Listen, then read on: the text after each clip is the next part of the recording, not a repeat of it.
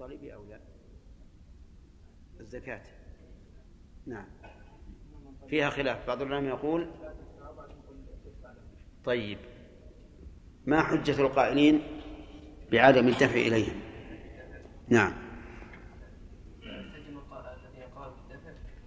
بعدم الدفع أنه ليس من آله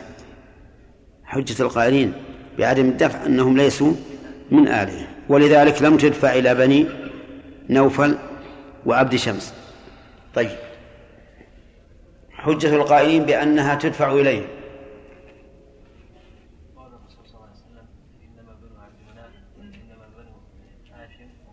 أنها لا أنها لا تدفع إليهم أنها لا تدفع إليهم نعم هذا التعليل أي ما يخالف ماذا تقول؟ هذا إذا قلنا تدفع إذا قلنا تدفع فالعلة لأنهم ليسوا من آل محمد وإذا لم تكن تدفع نعم فما الدليل؟ قول رسول الله صلى الله عليه وسلم إنما بنو هاشم وبنو عبد المطلب وبنو المطلب وبنو المطلب ما هو عبد المطلب طيب هذا واحد تعليل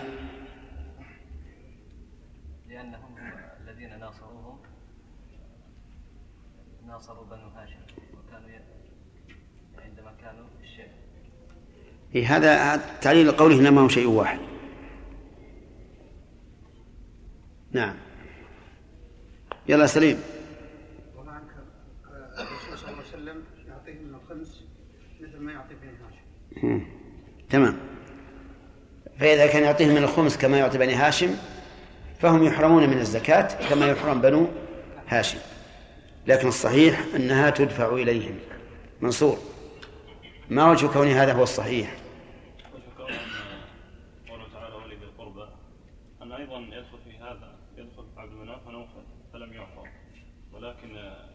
بالآية إنما هو لمجرد النصرة مع القرابة نعم الدليل على أنهم يعطون من الزكاة لا أنهم يعطون من الخمس لمشاركتهم في الخمس لعموم لعموم الأدلة إنما الصدقات للفقراء والمساكين لا يدخل فيها بنو المطلب هاشمي أعتق عبدا يا هداية الله اعتق عبدا فهل هاشمي اعتق عبدا فهل يجوز ان نعطي هذا العتيق من الزكاه؟ لا لأنه من موالي بني هاشم نعم. تمام طيب هل تجوز دفع الزكاة إلى الأب عبد الله الأحمدي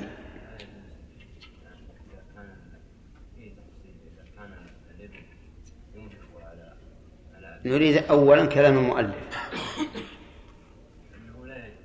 لا تج... لا يجوز دفع الزكاة إلى الأب بكل حال طيب ما هو القول الراجح خالد بن خلف؟ القول الراجح يا شيخ انه آه، اذا كان الوالد فقيرا فيلزم الولد النفقه على والده فلا يعطيه الزكاه. لا نريد قاعده عامه، احنا ذكرنا حول هذا الموضوع قاعده عامه.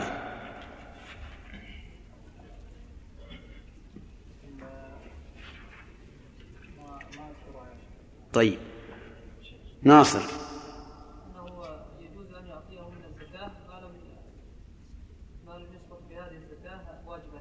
أحسنت أنه إن أسقط بدفع الزكاة واجبا عليه منع وإلا فلا طيب وبناء على ذلك يا محمد خزرجي إذا قضى بها دينا على والده ليس سببه النفقة نعم يجوز لأنه لأنه فقير لأنه فقير لا لأنه لا يسقط حقا واجبا عليه لأنه لا يسقط بذلك حقا واجبا عليه إذ أن قضاء الدين عن الوالد ليس ليس بواجب طيب يلا سامي إذا كان الابن غنيا لكن غناته قليلة تكفي لزوجته وأولاده ولا يستطيع أن ينفق على أبيه فهل يعطي أباه من الزكاة للنفقة؟ نعم يعطي لماذا؟ لأن نفقته لا تجب عليه توافقون على هذا؟ طيب وهكذا نقول في الفرع الذي قال فيه المؤلف ولا إلى فرعه فإن كلام المؤلف يدل على منع دفع الزكاة إليه مطلقا والصحيح التفصيل صحيح التفصيل ثم قال المؤلف إيه.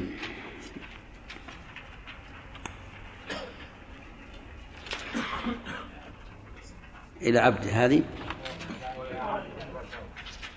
قال ولا تصح يعني بدأ الدرس اليوم قال المؤلف رحمه الله في ابتداء درس الليله قال ولا إلى زوج ولا إلى زوج عبد إيه نعم ولا إلى عبد يعني لا تدفع الزكاة إلى العبد لأن لأن العبد إذا أعطيناه الزكاة انتقل ملك الزكاة فورا إلى سيده فإن مال العبد ملك لسيده فلا يجوز أن نعطي العبد لأنه لا يملك وملكه لسيده لكن يستثنى من هذا يستثنى من هذا المكاتب فقد سبق أن المكاتبين من ايش؟ من أهل الزكاة داخلون في قوله تعالى وفي الرقاب فيعطى المكاتب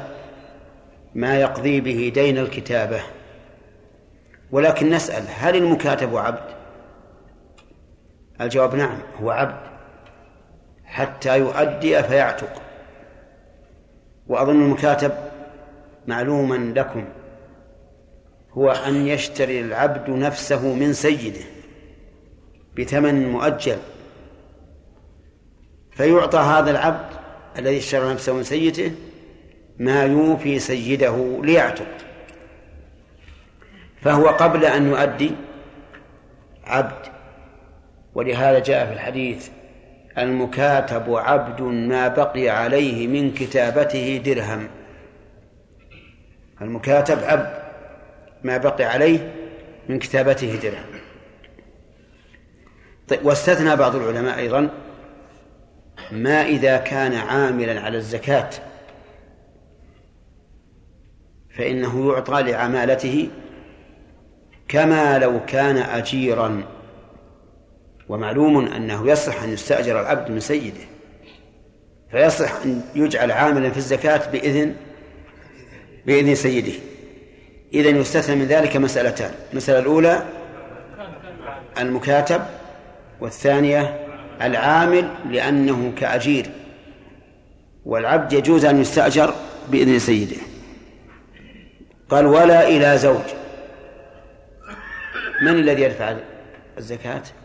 الزوجة لا يصح أن تدفع زكاتها إلى زوجها لماذا؟ لقوة الصلة بينهما فيشبه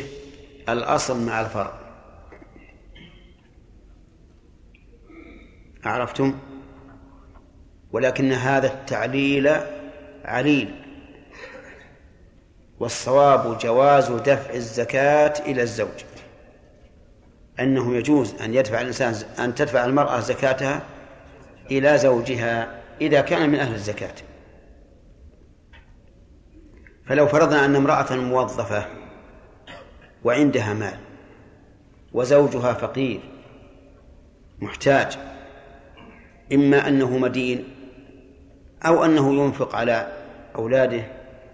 أو ما أشبه ذلك فللزوجة أن إيش أن تؤدي زكاتها إليه وقولنا أو لأنه ينفق على أولاده المراد بأولاده من غيرها لأن أولاده منها إذا كان أبوهم فقيرا يلزمها أن تنفق عليهم لأنهم أولادها لكن إذا كان له أولاد من غيرها وهو فقير فللزوجة أن تعطي زكاتها لهذا الزوج وربما يستدل لذلك بحديث زينب امرأة عبد الله بن مسعود أن النبي صلى الله عليه وآله وسلم حث على الصدقة فقال ابن مسعود أعطيني وأولادي أنا أحق من تصدقت عليهم فقالت لا حتى أسأل النبي صلى الله عليه وسلم فسألت النبي صلى الله عليه وسلم فقال صدق عبد الله زوجك وولدك أحق من تصدقت عليهم فيمكن أن يقال أن قول من تصدقت عليهم يشمل الفريضة والنافلة وعلى كل حال إن كان في الحديث الدليل فهو خير وإن قيل إنه خاص بصدقة التطوع فإننا نقول في تقرير جواز دفع الزكاة إلى الزوج الزوج فقير ففيه الوصف الذي يستحق به من الزكاة فأين الدليل على المانع؟ لأنه إذا وجد السبب ثبت الحكم إلا بدليل وليس هناك دليل لا من القرآن ولا من السنة على أن المرأة لا تدفع زكاتها لزوجها أفهمتم؟ وهذه قاعدة أنا ذكرتها لكم من قبل الأصل في من ينطبق عليه وصف الاستحقاق أنه مستحق وتجزئ الزكاة إليه إلا بدليل ولا نعلم مانعا من ذلك إلا من كان إذا أعطاها أسقط عن نفسه بذلك إيش واجبا طيب وهل يجوز أن يعطي الزوج زوجته من زكاته يا ناس لا تتسرعوا كلمة زوج في كلام المؤلف يمكن أن تحمل على الزوجة وعلى الزوج لأن كلمة الزوج في اللغة العربية تطلق على المرأة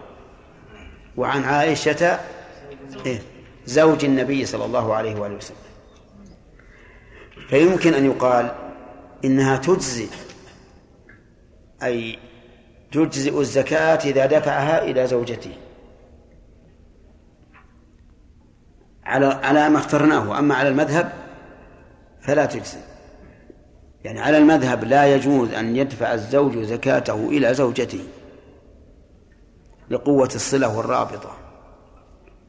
ولكن القول الراجح أنه يجوز أن يدفع الزكاة إلى زوجته بشرط قولوا ألا يسقط به حقا واجبا عليه وعليه فإذا أعطاها من زكاته للنفقة لتشتري ثوبا لتشتري طعاما فإن ذلك لا يجزي وإن أعطاها لقضاء دين عليها فإن ذلك يجزئ لأنه لأن قضاء الدين عن زوجته لا يلزمه ثم قال المؤلف وإن أعطاها لمن ظنه غير أهل فبان أهلا أو بالعكس بأن أعطاها لمن ظنه غير أهل فبان أهلا لم يجزه أو لم تجزئه إن أعطاها لمن ظنه غير أهل فبان أهلا فإنها لا تجزئه لأنه حين دفعها يعتقد أنها وضعت في غير موضعها ولأنه متلاعب كيف يعطي زكاته لشخص يظنه غنيا ثم بعد ذلك يتبين أنه فقير كيف نقول تجزئه لا تجزئه لا تجزئه لأنه حين دفعها يعتقد أنها في غير محلها ولأنه متلاعب فلا تجزئه وهذا واضح بالعكس أعطاها لمن ظنه أهلا فبان غير أهل فلا تجزئه أيضا لأن العبرة بما في نفس الأمر لا في ظنه لا, لا بظنه مثاله أعطى رجلا يظنه غارما فبان أنه غير غارم فإنها لا تجزئ لماذا؟ لأن العبرة بما في نفس الأمر يعني بالواقع والواقع أنه غير أهل أعطاها لشخص يظنه ابن سبيل فتبين أنه غير ابن سبيل مواطن فإنها لا تجزئه أعطاها لقريب يظن أنها تجزئه ولكن لا تبين أنه لا يجزئه إعطاء هذا القريب لوجوب الإنفاق عليه فإنها لا تجزئه يستثنى من ذلك مسألة إلا لغني ظنه فقيرا إلا لغني ظنه فقيرا فإنه يجزئه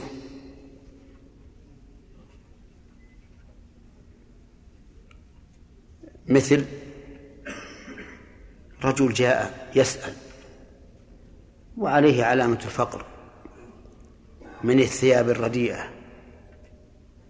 فأعطيته من الزكاة فلما انصرف عني جاءني شخص وقال ما الذي أعطيته قلت زكاة قال هذا أغنى منك هذا أغنى منك هذا عنده ملايين فما حكم الزكاة التي دفعتها ها؟ تجزئ تجزئ لأنه ليس لنا إلا الظاهر ومثل ذلك أولئك السؤال الذين يأتون إلى طلب مساعدة في مدرسة أو مسجد أو ما أشبه ذلك ثم نعطيهم بناء على الظاهر لنا ويتبين أنهم على خلاف هذا فإن ذلك يجزئ ما هو الدليل الدليل قصة الرجل الذي تصدق ليلة من الليالي خرج بصدقته فدفعها إلى شخص فأصبح الناس يتحدثون تصدق الليلة على غني فقال الحمد لله على غني يعني رأى أن هذا مصيبة ثم خرج مرة أخرى فتصدق فوقعت في يد بغي البغي هي الزانية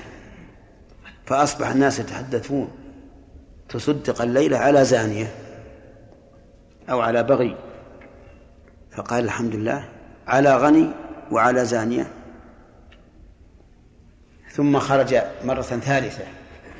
فتصدق فوقعت الصدقة في يد السارق فأصبح الناس يتحدثون تصدق الليلة على سارق فقال الحمد لله غني وبغي وسارق فقيل له أما صدقتك فقد تقبلت أما صدقت فقد تقبلت أما الغني فلعل فلعله يعني يتذكر ويتصدق ويتعظ بما حصل منك وأما السارق فلعله يكتفي بما أعطيته عن السرقة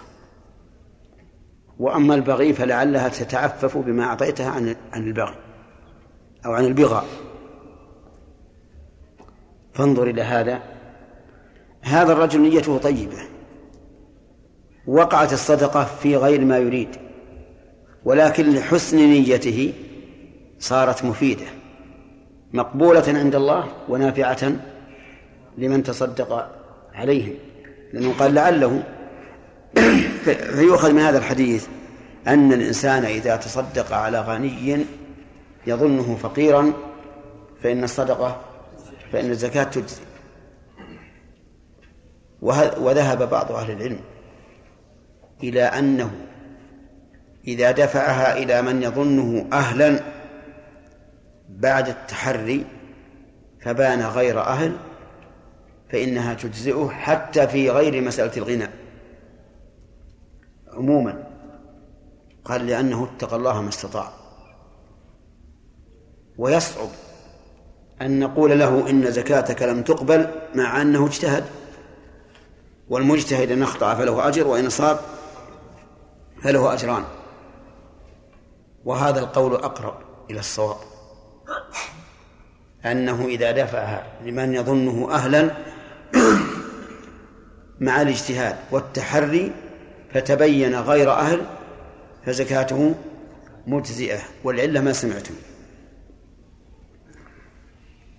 طيب إذا جاءك سائل يسأل يقول أعطني من الزكاة ورأيته جلدا قويا فهل تعطيه أم ماذا نقول عظه أولا عظه أولا إن صح وقل إن شئت أعطيتك ولا حظ فيها لغني ولا لقوي مكتسب كما فعل النبي صلى الله عليه وسلم في الرجلين اللذين أتيا إليه يسألانه من الصدقة فقال فرآهما جلدين فقال إن شئتما أعطيتكما ولا حظ فيها لغني ولا لقوي مكتسب فإن قال قائل أحوال الناس اليوم فسدت حتى لو وعدته بهذا الكلام لم يتعظ فما الجواب الجواب أن لنا في رسول الله صلى الله عليه وسلم أسوة حسنة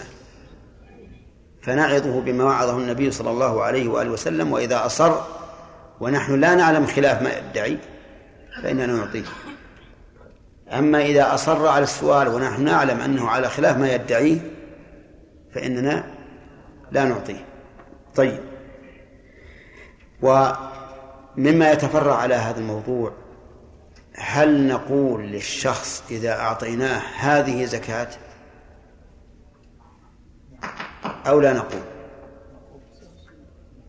في تفصيل إن كان الرجل نعلم أنه أهل للزكاة وأنه يقبل الزكاة أعطيناه بلا قول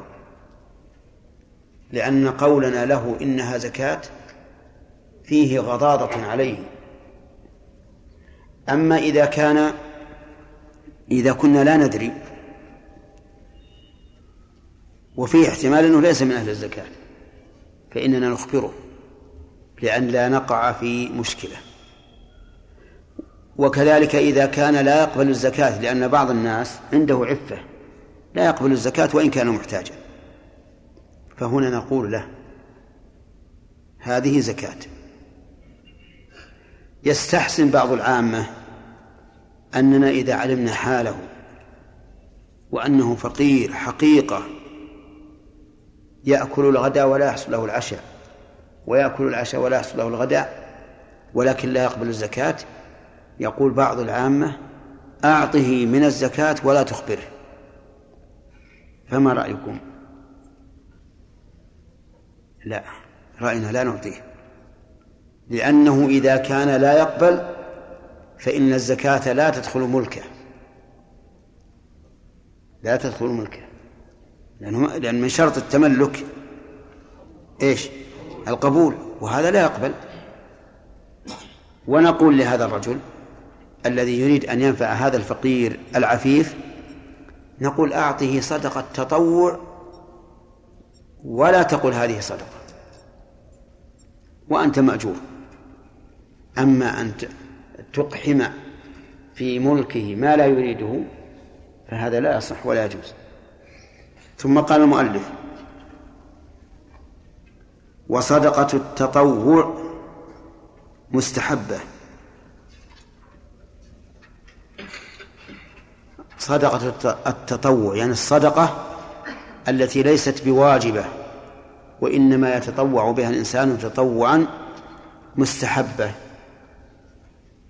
كلمة مستحبة بمعنى مسنونة مشروعة ولا سيما مع حاجة الناس إليها واعلم أنه لا فرق بين مستحب ومسنون عند الحنابلة فالمستحب والمسنون بمعنى واحد فنقول يستحب السواك ونقول يسن السواك ولا فرق وذهب بعض العلماء أن ما ثبت بالنص فهو مسنون وما ثبت بالاجتهاد والقياس فهو مستحب ولكن الفقهاء والحنابلة يمشون على أنه لا فرق فقوله مستحبة بمعنى مسنونة ما هو الدليل فيها دليل أثري ودليل نظري أما الدليل الأثري فلأن الله أثنى على المتصدقين فقال إن المسلمين والمسلمات والمؤمنين والمؤمنات والقانتين والقانتات إلى أن قال والمتصدقين والمتصدقات وفي آخر الآية أعد الله لهم مغفرة وأجرا عظيما وقال تعالى مثل الذين ينفقون أموالهم في سبيل الله كمثل حبة أنبتت سبع سنابل وقال تعالى يمحق الله الربا ويربي الصدقات والسنة طافحة كثيرة في الحث على الصدقة ومنها أنه ما من رجل يتصدق من طيب بعدل تمرة إلا أخذها الله تعالى بيمينه فيربيها لأحدكم كما يربي أحدكم فلوه حتى تكون مثل الجبل عدل تمرة تمرة يأخذ الله عز وجل بيمينه ويربيها للمتصدق حتى تكون مثل الجبل ويقول عليه الصلاة والسلام كل امرئ في ظل صدقته يوم القيامة ويقول الصدقة تطفئ الخطيئة كما يطفئ الماء النار ويقول إنها تطفئ غضب الرب وتدفع ميتة السوء والأحاديث في هذا كثيرة مشهورة ولكن تتأكد في زمان وفي مكان وفي أحوال في زمان ومكان وأحوال ففي الزمان قال المؤلف وفي رمضان أفضل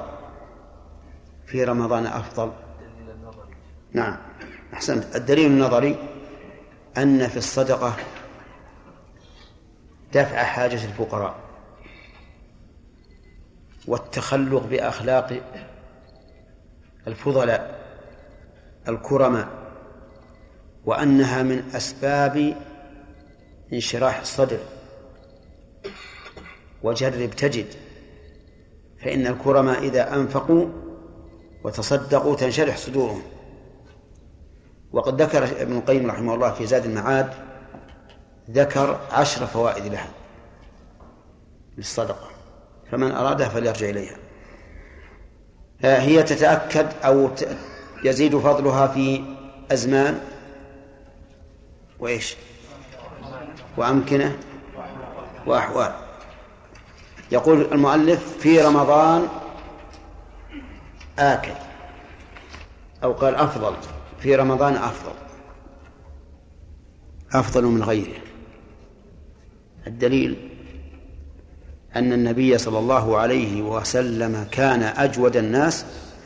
وكان أجود ما يكون في رمضان وهذا يدل على أنه عليه الصلاة والسلام تزداد يزداد إنفاقه في هذا الشهر ولكن الراجح أنها في عشر ذي الحجة الأولى أفضل لقول النبي صلى الله عليه وآله وسلم ما من أيام العمل الصالح فيهن أحب إلى الله من هذا من هذه الأيام العشر يعني عشر ذي الحجة الأولى قالوا ولا الجهاد في سبيل الله قال ولا الجهاد في سبيل الله إلا رجل خرج من نفسه وماله فلم يرجع من ذلك بشيء وهذا عام والدليل على عمومه قولهم ولا الجهاد قال ولا الجهاد طيب المكان في الحرم المكي والمدني أفضل من غيره لشرف المكان الحالات قال المؤلف وأوقات الحاجات أفضل أوقات الحاجات مثل أوقات الحاجات إيش فيه أوقات حاجات دائمة وأوقات حاجات طارئة فمن أوقات الحاجات الدائمة فصل الشتاء فصل الشتاء فإن الفقراء فيه أحوج من فصل الصيف لأنهم يحتاجون إلى زيادة أكل الإنسان في الشتاء يأكل أكثر مما يأكل في الصيف أليس كذلك؟ ها خالد نعم طيب في الشتاء يحتاج إلى ثياب أكثر مما يحتاجه في الصيف يحتاج إلى تدفئة أكثر مما يحتاجه في الصيف أليس كذلك؟ فالغالب أن أوقات أن الفقراء تشتد حاجاتهم في زمن الشتاء أكثر هذه قلنا إيش حاجات دائمة هناك حاجات طارئة مثل أن تحدث مجاعة في الناس أو جدب فيحتاج فيحتاج الناس أكثر سواء في الشتاء أو في الصيف فهذه أيضا تكون الصدقة فيها أفضل طيب المكان قلنا تشرف الصدقة بشرف المكان كمكة والمدينة هل من شرف المكان ما لو كانت جهة من الأرض فيها مجاعة أو لا لا لأن هذا ليس لشرف المكان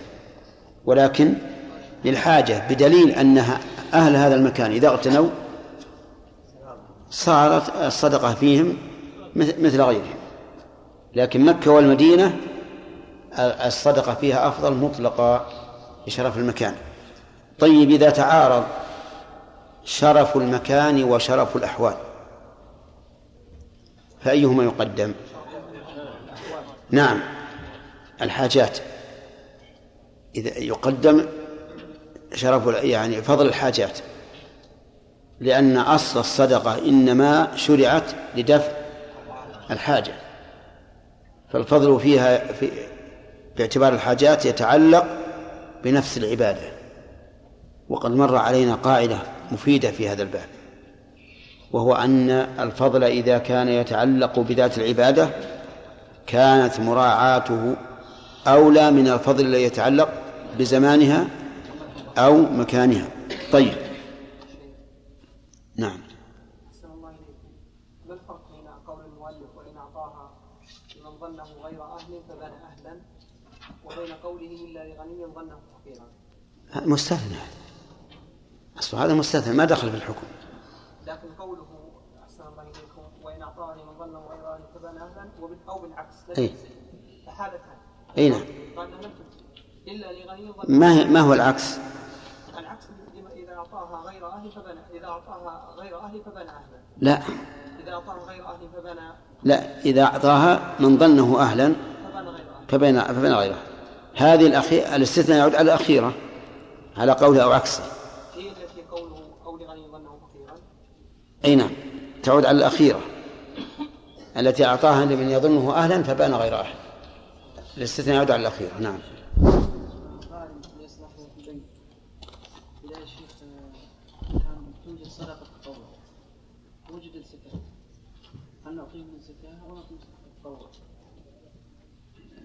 سؤال يقول إذا وجد غارم لإصلاح ذات البين وفيه صدقة تطوع أو زكاة هل نعطيه من الزكاة؟ أو نقول نعطيه من صدقة التطوع نقول لا بأس أن نعطيه من الزكاة لأنه مستحق لها وصدقة التطوع تكون لغيره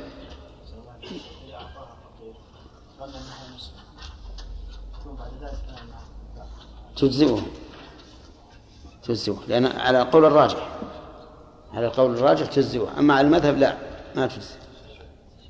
نعم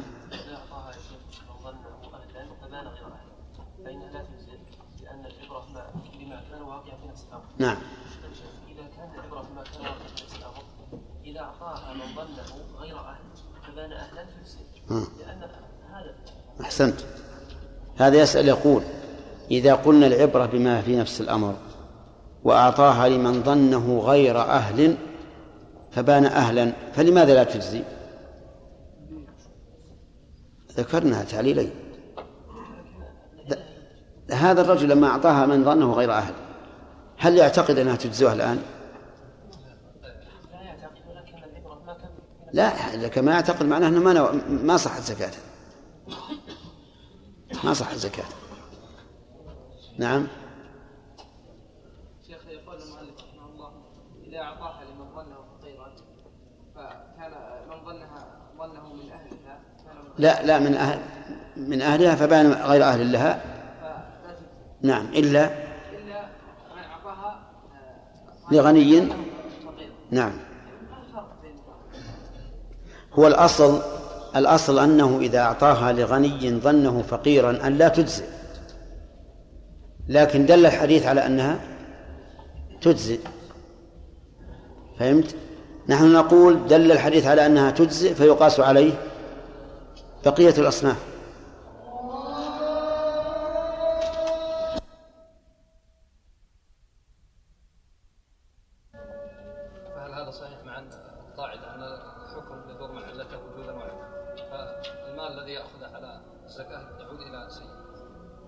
إذا مش قلنا في التعليل العبد إذا كان عاملا قلنا يجوز أن تدفع عليه الزكاة التعليل لأنها أجرة إلا ما يأخذ سيده مثل مثل ما لو أجره مثل لو لو أجره لعمل بناء أو غيره نعم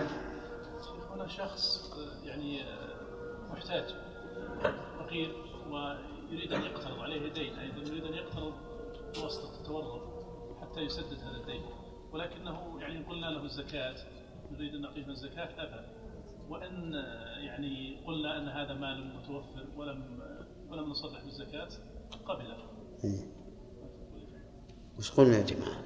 قلنا فهمت يا شيخ الشرح الأول لكن يعني لا ينسى مطلقا مطلقا لكن نعم ربما نقول الغارم الغارم لا يشترط تملكه فيمكن أن نذهب به إلى إلى صاحب الدين ونعطيه بدون أن نشعر بهذا نعم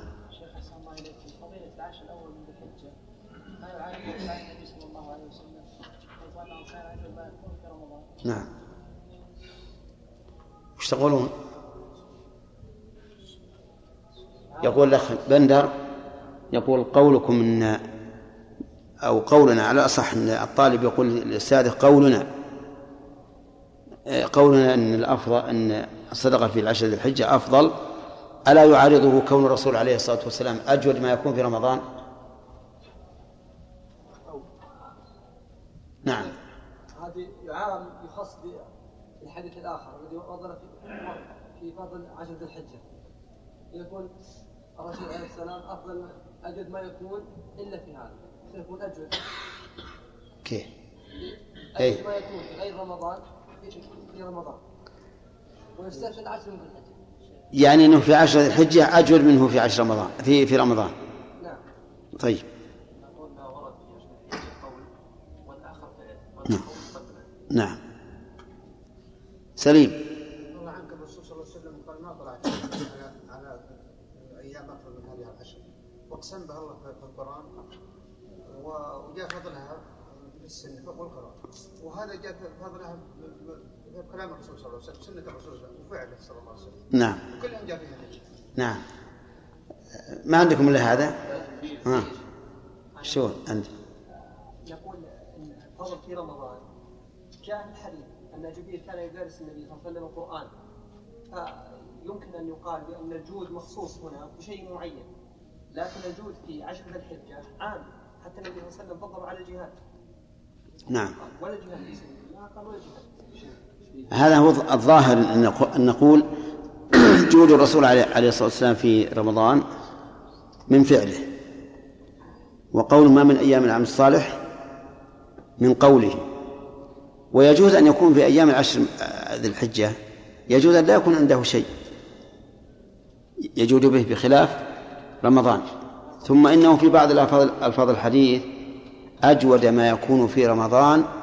حين يأتيه جبريل فيدارسه القرآن فيكون هذا الجود مخصوصا بهذه الحال وعلى كل حال القول مقدم على الفعل بسم الله الرحمن الرحيم تسن بالفاضل عن كفايته ما الذي تسن؟ الصدقة إيه، طيب اي وصدقة التطوع قبله اقرا لي قبله عشان نعرف اللي يتفرع عليها. صدقة التطوع مستحبة وفي رمضان وأوقات الحاجات أفضل وتصن بالفاضل عن كفايته ومن يمونه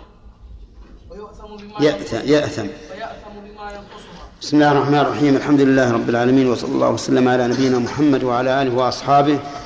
ومن تبعهم بإحسان إلى يوم الدين ما تقول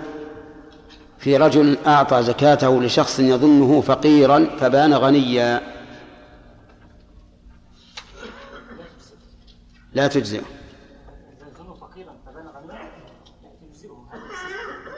تجزئه ما الدليل لا لا ما من كلام المؤلف كلام المؤلف يستدل له ولا يستدل به نعم تجد حديث تصدق الرجل على آه، رجل فقال على غني فقال الناس تصدق على غني فقيل له ان صدقتك قد قبلت طيب لو أعطاها لمن يظنه مسلما فبان كافرا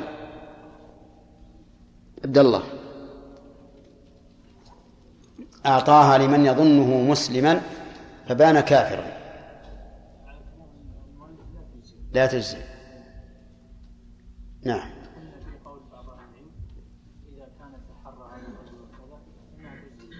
نعم صحيح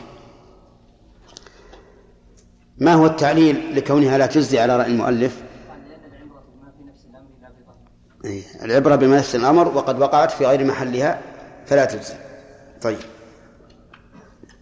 ما حكم صدقة التطوع نعم مستحبة هل تذكر دليلا يدل على استحبابها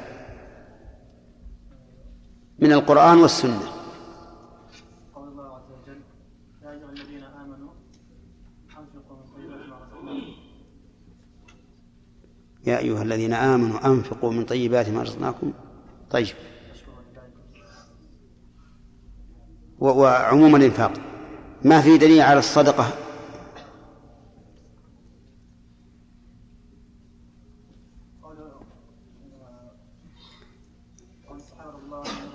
من من القرآن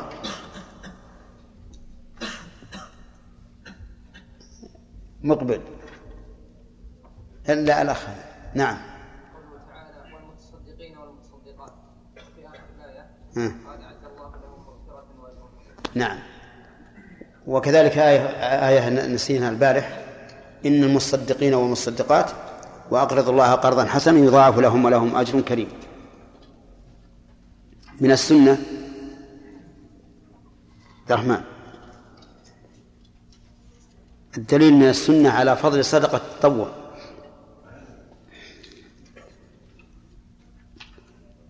أعطنا ولا مشنا ها؟ بندر أحاديث كثيرة ومنها قول النبي صلى الله عليه وسلم إن الصدقة غضب الرب وتدفع مثل طيب صح هل تختلف فضلا تختلف مكانا وزمانا وحالا مكانا وزمانا وحالا طيب مكانا مثل الحرمين طيب زمانا هاني كرمضان وعشر ذي الحجة طيب حالا كشدة الحاجة والقرابة أيضا صدق على القريب أفضل من البعيد طيب ثم قال المؤلف رحمه الله تعالى في درس الليلة قال وتسن بالفاضل عن كفايته ومن يمون تسن أي يسن أن يكون التصدق بشيء فاضل عن كفايته ومن يمونه أي وكفاية من يمونه أي من تلزمه مؤونته ودليل ذلك قول النبي صلى الله عليه وآله وسلم اليد العليا خير من اليد السفلى وابدأ بمن تعول ابدأ بمن تعول فدل هذا على أن صدقة التطوع تأتي في الدرجة الثانية بعد بعد كفاية من يعولهم وقال عليه الصلاة والسلام خير الصدقة ما كان عن ظهر غنى خير الصدقة ما كان عن ظهر غنى أي عن فاضل غنى فإن قال قائل ما الجواب عن جواب النبي صلى الله عليه وسلم حين سئل أي الصدقة أفضل قال جهد المقل جهد المقل فالجواب اللا منافاة فإن المراد بجهد المقل ما زاد عن كفايته وكفاية من يمونه و وهو خلاف الغني فإذا تصدق رجل بعشرة دراهم وهي الفاضل عن كفايته فقط وآخر بعشرة ملا... دراهم وعنده عشرة ملايين أيهما أفضل الأول لأن ذا جهده هذا جهد وذاك عشرة ريالات بالنسبة لعشرة ملايين ليس بشيء ما الذي يقابل عشرة ريالات من عشرة ملايين؟ إذا قدرنا أن الأول ماله ألف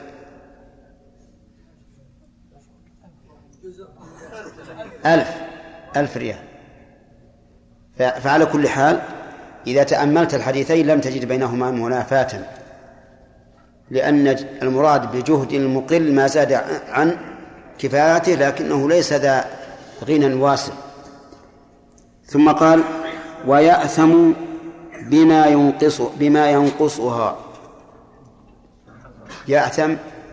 أي المتصدق بما أي بصدقة تنقص كفايته بما ينقصها أي ينقص كفايته وكفاية من يمونه ووجه ذلك أنه إذا نقص الواجب أثم إذا نقص الواجب أثم فكيف يليق بك أن تترك واجبا وتتصدق بتطور هذا لا يليق لا شرعا ولا عقلا ولا عرفا ابدأ أولا بمن تعود ثم اعلم أيضا أن خير صدقة تتصدق بها على نفسك وأهلك يعني الصدقة على أهلك أفضل من الصدقة على الخارج كما جاء في الحديث فإذا قمت بالواجب في في مؤونتك ومؤونة أهلك فأنت قائم بواجب وصدقة كما ثبت عن النبي عليه الصلاة والسلام أن الإنسان إذا أنفق على أهله فهي صدقة بل على نفسه فهي صدقة وحينئذ نقول إنك في الواقع لم تخرج عن مسمى المتصدق إذا أنفقت على أهلك على نفسك وأهلك لماذا؟ لأن النبي صلى الله عليه وآله وسلم جعل الإنفاق على الأهل من الصدقة بل الإنفاق على الأهل واجب تثاب عليه أكثر من الثواب على الصدقة على بعيد وقول بما ينقصها يقرأها بعضكم ينقصها من الرباعي ولكنها من الثلاثي وهي لازمة ومتعدية هي لازمة ومتعدية بل تتعدى الاثنين قال الله تعالى ثم لم ينقصوكم شيئا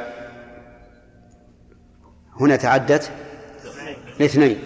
الكاف وشيئا وتكون لازمة كما إذا قلت نقص المال ومثلها زاد زاد تستعمل ناقصة آه، تستعمل لازمة ومتعدية فتقول زاد المال وتقول زادني خيرا قال الله تعالى فأما الذين آمنوا فزادتهم إيمانا كم نصبت مفعولين طيب إذن صواب قراءتها أن تقول بما ينقصها طيب فإن قال قائل كيف تؤثمونه بما ينقصها وقد أقر النبي صلى الله عليه وآله وسلم أبا بكر حينما تصدق بجميع ماله حينما تصدق بجميع ماله فسأله النبي صلى الله عليه وسلم ماذا تركت لأهلك قال تركت لهم الله ورسوله فأقره النبي عليه الصلاة والسلام وكيف تقولون ذلك أي أن التصدق بما ينقصها إثم مع أن الله امتدح الذين يؤثرون على أنفسهم ولو كان بهم خصاصة وكيف تقولون ذلك وقد قال النبي صلى الله عليه وسلم للأنصاري الذي قدم الضيف على نفسه وأهله قال إن الله عجب من صنيعكم البارحة والقصة مشهورة الضيف جاء إلى الأنصار وليس عنده إلا طعام أهله فقال لزوجته أطفئ المصباح إذا قدمت العشاء أطفئ المصباح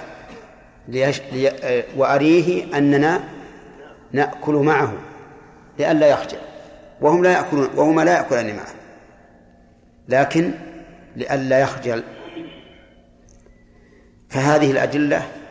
تدل على أنه لا يأتم الإنسان بما ينقص المؤونة مؤونة نفسه وعياله فالجواب عن ذلك أن يقال إذا كان الإنسان قد عرف من نفسه الصبر والتوكل وعنده ما يستطيع أن يحصل به فهذا لا حرج عليه إذا تصدق بما ينقص مؤونته أما إذا كان لا يعرف من نفسه الصبر والتوكل وإخلاف ما أنفق فإنه الأمر كما قال المؤلف مثل لو فرضنا أنه إذا تصدق بما ينقص مؤونته خرج من الباب الثاني ليتكفف الناس نعم هذا لا يجوز لكن إذا علم أنه إذا تصدق بما ينقص مؤونة أهله خرج من الباب الثاني ليشتغل يبيع ويشتري كما كان أبو بكر رضي الله عنه يفعل فإن ذلك لا بأس به أما مسألة الضيف فقد يقال إن أهله قد رضوا بذلك أهل الأنصار رضوا بهذا وصبروا وإكرام الضيف ليس تطوعا بل هو واجب فيدخل في, في الواجب وأما ثناء الله عز وجل على الأنصار في قوله والذين تبوأوا الدار والإيمان من قبلهم يحبون من هاجر إليهم ولا يجدون في صدورهم حاجة مما أوتوا ويؤثرون على أنفسهم ولو كان بهم خصاصة فهذا كما قلنا في من عرف من نفسه إيش؟ الصبر والتوكل وأن يعني يتحمل وأنه سيجد ما يخلفه ما يخلف ما أنفق وبعد سياق هذه الآية لا يجدون في صدورهم حاجة مما أوتوا ما معناها ولا يجدون في صدورهم حاجة مما أوتوا اللي يعرف يرفع يصبر لا كان كان يقول مما آتوا نعم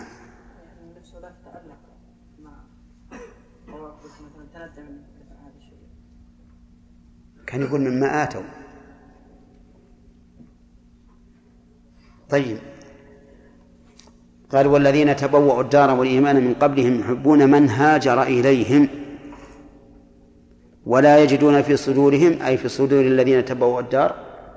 حاجة مما أوتوا أي مما أوتي المهاجرون المهاجرون أعطاهم الله فضلا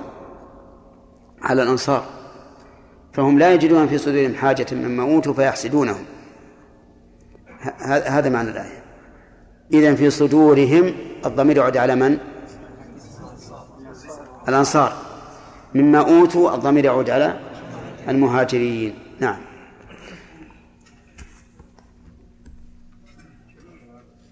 نعم كيف نعم قصة الأنصاري ألا يرد علينا فعله بأطفاله وأطعام الله حتى ناموا أي نعم لأن له الولاية عليه له الولاية عليه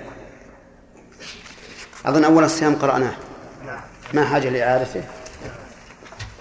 طيب ايش؟ ايش؟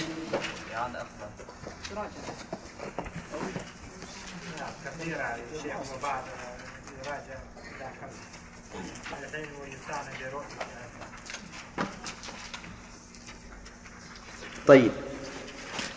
آه، متى يصام رمضان؟ يقول المؤلف أن يصام بواحد من أمرين رؤية هلاله أو إكمال شعبان ثلاثين يوما ثانيا لماذا تثبت الرؤية بشهادة واحد ولو أنثى لأن النبي صلى الله عليه وآله وسلم لما أخبره عبد الله بن عمر أنه رآه صام وأمر الناس بالصيام ولو أنثى لأنه خبر ديني فاستوى فيه الذكر والأنثى كما لو قالت لك الأنثى غابت الشمس تفطر على قولها طيب إذا رآه نعم على المذهب يصام بأمر ثالث يصام بأمر ثالث وهو إذا كان ليلة الثلاثين إذا كان في ليلة الثلاثين من شعبان غيم أو قتر فإنه يجب أن يصام وعليه فيكون صيام رمضان يثبت بواحد من أمور ثلاثة رؤية هلاله كمال شعبان ثلاثين أن يكون ليلة الثلاثين من شعبان بينه وبين أن يحول بينه وبين أن يحول ليلة الثلاثين من شعبان بين أو دون رؤيته غيم أو قتر طيب والصحيح في الثانية في الثالثة الصحيح أنه لا يجب صومه بل لا يجوز صومه لأنه اليوم الذي يشك فيه طيب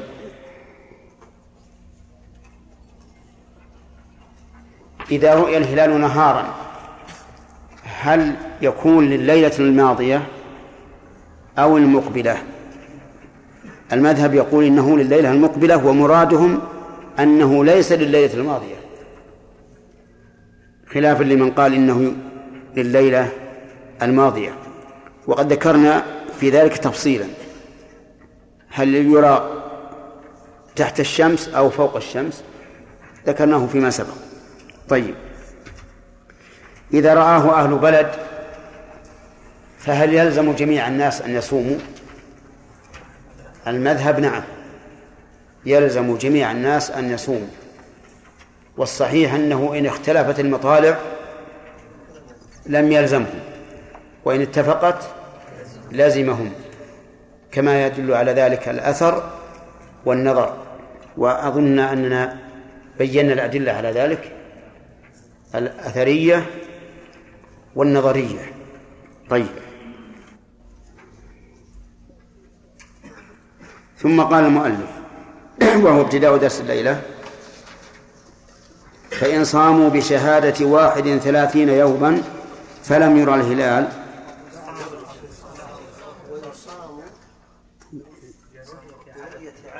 الله طيب ما ما في ما في بأس هذا إفزاع ما شاء الله كل الدنيا قامت طيب يقول ويصام برؤية عدل ولو أنثى يصام نائب الفاعل يعود إلى رمضان أي يصوم الناس على التفصيل السابق يصام